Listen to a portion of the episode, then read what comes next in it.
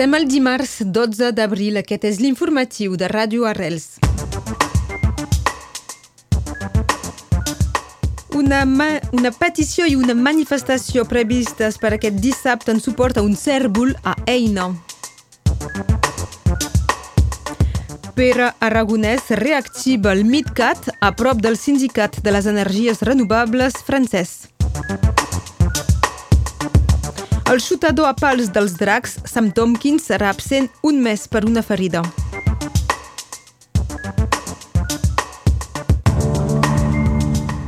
Comencem amb les xifres de la Covid. Actualment hi ha 273 pacients hospitalitzats a Catalunya Nord, dels quals 10 que es troben al servei de reanimació. En les darreres 24 hores ha mort una persona suplementària amb Covid. Des de fa mesos, un cèrvol acostumat a circular pels afores d'Eina, a Cerdanya, i, i crea molta afició, però el problema és que l'animal menja flors i alguns habitants demanen ara que sigui abatut per aquesta única raó. S'ha llançat una petició per salvar l'animal i fins ara ja ha reunit quasi 5.000 signatures. Per l'associació Frena 66, la Federació pels Espais Naturals i el Medi Ambient, aquesta situació és una nova demostració de l'urbanització frenètica d'eina que ocupa cada cop més espai forestal i redueix l'hàbitat natural dels animals salvatges. S'ha previst una manifestació de suport a aquest cèrvol, serà aquest dissabte a Eina fi del moviment de vaga dels carters de les Alberes després de vuit dies de mobilització. Si han obtingut millores de les condicions de treball i l'augment dels llocs de treball en CDI, la CGT precisa que no han aconseguit cap prima per la sobrecàrrega de feina a causa de la propaganda electoral. No es descarta, doncs, noves aturades abans de la segona volta. Ahir dilluns al migdia es va declarar un incendi a Rebollet. A causa del vent, les flames es van propagar i tres hectàrees de vegetació van resultar afectades.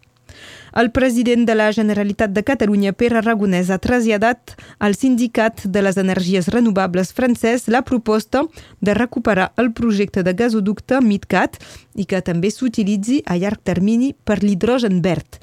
Aragonès i els membres de l'entitat s'han compromès a compartir informació de les iniciatives sobre hidrogen verd que s'estan duent a terme a l'estat francès.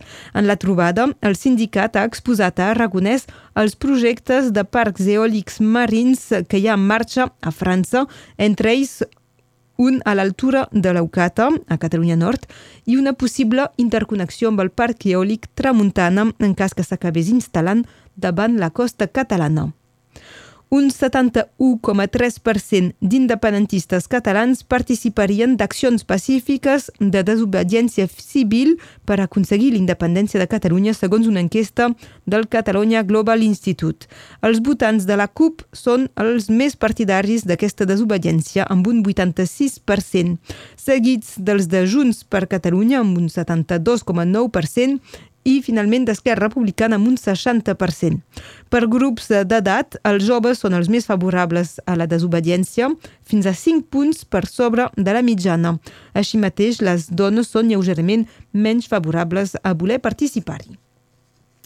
La primera volta de l'elecció presidencial francesa ha tingut molt ressò a la premsa mundial. No tots els mitjans van posar el focus únicament a París. La televisió pública belga llengua francesa, RTBF, va enviar un periodista a Perpinyà. Es tracta del periodista independent basat a Barcelona, Henri de Laguerie, que explica aquesta decisió d'RTBF.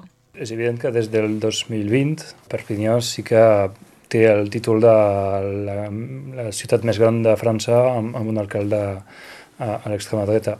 Llavors, eh, en el moment que la, la televisió de Bèlgica feia un, un programa especial amb un desplegament bastant important, per ells consideraven interessant no tenir solament les veus des de París, sinó que, tam, a més de París, evidentment, hi hagi bueno, una visió més plural de, de tot el que és França. Llavors eh, teníem un enviat especial a, a Lille, costat de Bèlgica, evidentment, però també aquí era interessant per, sí, per fet que Louis Alliot és, és del Rassemblement Nacional i també per fet que és veritat que, que Marine Le Pen ha vingut molt sovint aquí i que, bueno, és, és una... i el sud de França en general, no sabem Perpinyà, però és veritat que el sud de França és bueno, conegut per, per això, per, per, per l'èxit que sempre ha tingut l'extrema dreta. El 2020 jo estava aquí també, Uh, no estava aquí per als belgues, però uh, els hi he trucat, li he dit, bueno, jo estic aquí i he guanyat uh, algú del Rassemblement Nacional i directament m'ha dit, oh, fes una crònica de ràdio, fes un directe de televisió.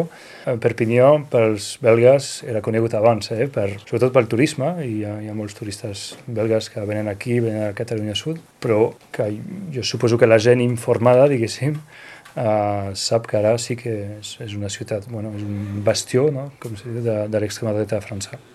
Les explicacions i les paraules d'Henri de Laguerie, un periodista independent eh, francès basat des de fa uns anys a Barcelona.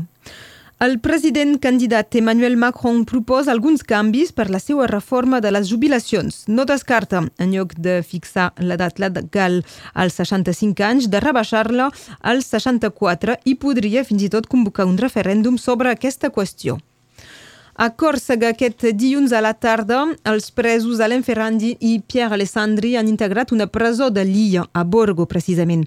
Es tracta dels dos altres detinguts, junt amb Ivan Colonna, per l'assassinat del prefecte Erignac, que eren en presó sobre el continent des de feia 23 anys. Aquesta mesura, una vella reivindicació corsa, va ser anunciada per al primer ministre Jean Castex el passat 22 de març arran de l'atac eh, de l'agressió contra Colonna que va acabar amb la mort del militant independentista cors.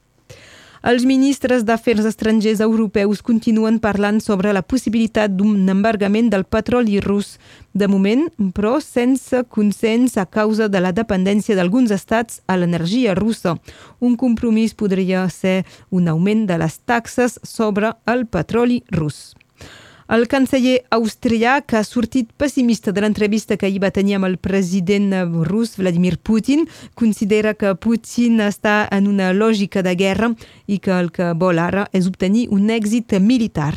És justament el que semblen confirmar els moviments de l'exèrcit rus que es prepararien per una ofensiva massiva a l'est d'Ucraïna.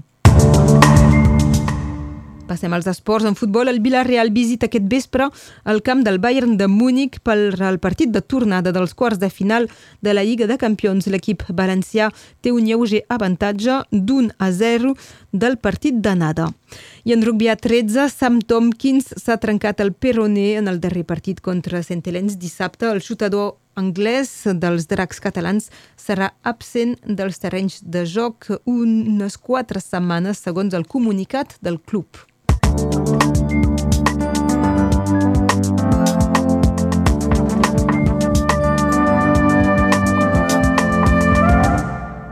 Passem a la previsió del temps amb l'Enric Balaguer.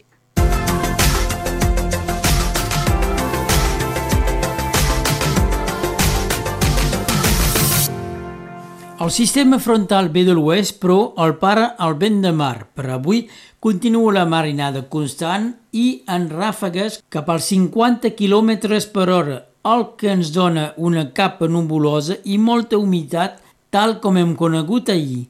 És possible unes precipitacions a les parts altes i mitjanes de les valls, però són molt tímides, tot just per ens recordar que pot ploure. I si no plou, els núvols carregats de sorra del Sahara que tenim sobre els nostres caps no ens caurà a sobre sota forma de fang. La temperatura és molt homogènia a tot el territori. De màxima tenim 13 a Formiguera, 15 a Ió, 14 a Egotèbia i Fullà, 15 a Vinçà, a Corbera la Cabana, a Trullàs i Palau del Vidre, 14 a Colliure, 16 a Sant Joan Pla de Cors, 11 a Costuja, 15 a Baixàs, 14 a Codies de Fenollet. A Formentera, a les Illes Pituïses, 19 graus. El sol se'n va dormir 3 minuts abans de les 8 i mitja a Baixàs. El 12 d'abril de 1872 neix a Barcelona Francesca Bonemaison, pedagoga i promotora de l'educació femenina popular, creadora de la Biblioteca Popular de la Dona l'any 1909. El 12 d'abril de 1996 surt als quioscos el primer número de la revista La Semaine du Roussillon. Antoine Gasquès, fundador i redactor en cap, i és des de l'inici. Un dia d'història per Radio Arrels és el 12 d'abril de 1996.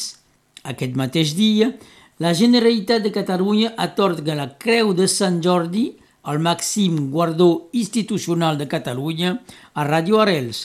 El president de l'associació, Per Manzanares, rebrà el premi a mans del president de la Generalitat, Jordi Pujol. Avui és Sant Juli. Diuen que fou Sant Joli qui va descobrir la utilització dels excrements per adob de les terres.